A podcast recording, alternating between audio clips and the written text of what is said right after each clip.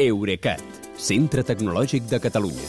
Innovant amb les empreses. Innovant amb tu. Si ens heu sentit a la portada, avui sabeu que fem dues salutacions i no una. als Alberts. Cuesta, bona nit. Bona nit, Kilian. Murillo, bona nit. Molt bona nit. I ara, com que els dos alhora faríem estèreo i no s'entendria, parlem un darrere l'altre, però vaja, molt seguits. Eh, Microsoft, Albert Cuesta, compra Activision Blizzard i passa a ser la tercera empresa mundial de videojocs, només per darrere de Tencent i de Sony. Sí, Activision Blizzard és l'empresa que hi ha al darrere de franquícies de videojocs tan populars com el Call of Duty, el World of Warcraft, el Guitar Hero, els skateboards del Tony Hawk, Crash Bandicoot i Candy Crush.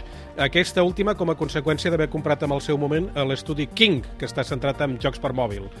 Microsoft, com dèiem a la portada, s'ha compromès a pagar per Activision Blizzard més de 60.000 milions d'euros, que és gairebé el triple del que va pagar fa 5 anys per la xarxa social LinkedIn, o 8 cops més del que li va costar Skype l'any 2011, per parlar només de dues operacions que en el seu moment ja ens van semblar de bogeria. Però és que a sobre, aquests 60.000 milions que pagaran Microsoft als accionistes d'Activision Blizzard són en efectiu i representen gairebé la meitat de la fortuna que Microsoft té ara mateix a la caixa, cosa que indica com és d'important per ells situar-se entre les empreses que marquen la pauta en el mercat dels videojocs, que és la forma d'entreteniment de, més popular que hi ha, com ens confirmarà segur l'Albert Murillo. Uh, el Satya Nadella, el conseller delegat de Microsoft, ha dit aquesta tarda que dels 8.000 milions d'humans, n'hi ha 3.000 milions que fan servir videojocs i calcula que l'any 2030 seran 4.500 milions. I d'aquí que vulguin manar en un mercat que ha de continuar creixent a aquest ritme. El Nadella també ha vingut a dir que no té només intenció de plantar cara als rivals del RAM, com els que deies, la xinesa Tencent i la plataforma PlayStation de Sony, que és japonesa, sinó també desmarcar-se una mica d'empreses com Apple i Google, que controlen la distribució del contingut, en aquest cas videojocs, amb els mòbils, i, i per això se'n queda una comissió. Uh, el que està clar és que amb la incorporació dels títols d'Activision Blizzard, el servei de subscripció Xbox Game Pass de Microsoft serà encara més atractiu. Ja té 25 milions d'abonats, en té 8 més que fa un any, però segur que ara s'hi afegiran uns quants dels 400 milions de persones que juguen els títols d'Activision alguna vegada al mes. I com que la compra inclou els jocs de King, com el Candy Crush que dèiem, jo crec que Microsoft ara tindrà pes de debò, una cosa que no havia tingut fins ara, en els jocs per telèfon mòbil, que és un segment on, com deia, fins ara no hi pintava res. Mm. Uh, per tant, aquí el que caldrà veure és cap on va la cosa una mica, no? Uh, sí, el que està per veure és si Microsoft mantindrà els llançaments multiplataforma dels jocs que acaba de comprar que fins ara es poden jugar tant amb la Xbox de Microsoft com amb la PlayStation de Sony.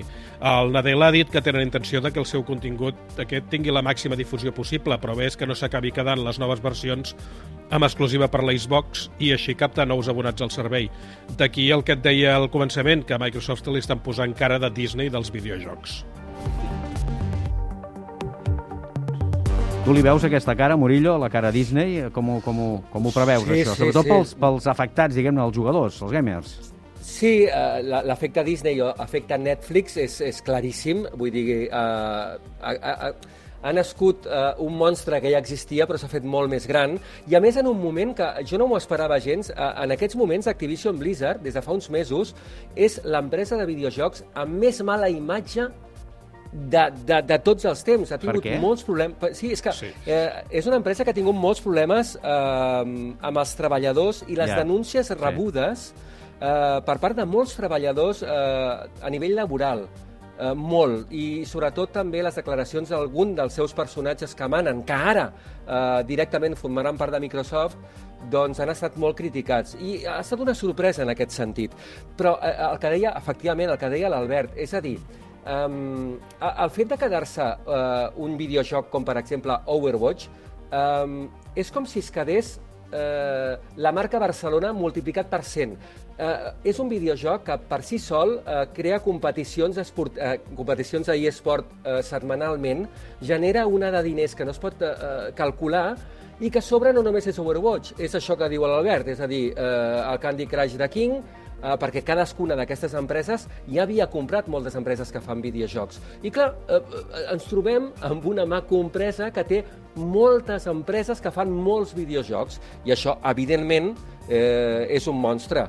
I és un monstre i a mi, abans, fora d'antena, l'Albert em deia Tu estàs content? Mira, mm, és que eh, cada vegada que hi ha empreses molt més grans eh, que controlen el tema dels videojocs, cada vegada és més difícil que empreses petites eh, Ja. catalanes, per exemple, facin videojocs i es puguin publicar a les seves plataformes. Sí que és veritat que ells es publiquen, aquesta, aquests videojocs, però uf, eh, és una jungla que cada vegada és més difícil. Queda clar. Doncs, escolteu-me, haurem d'ampliar la capacitat de l'antena per sentir les converses que fan fora d'antena els nostres alberts. Que nosaltres sí que podem dir que avui estem contents perquè els hem aplegat a tots dos.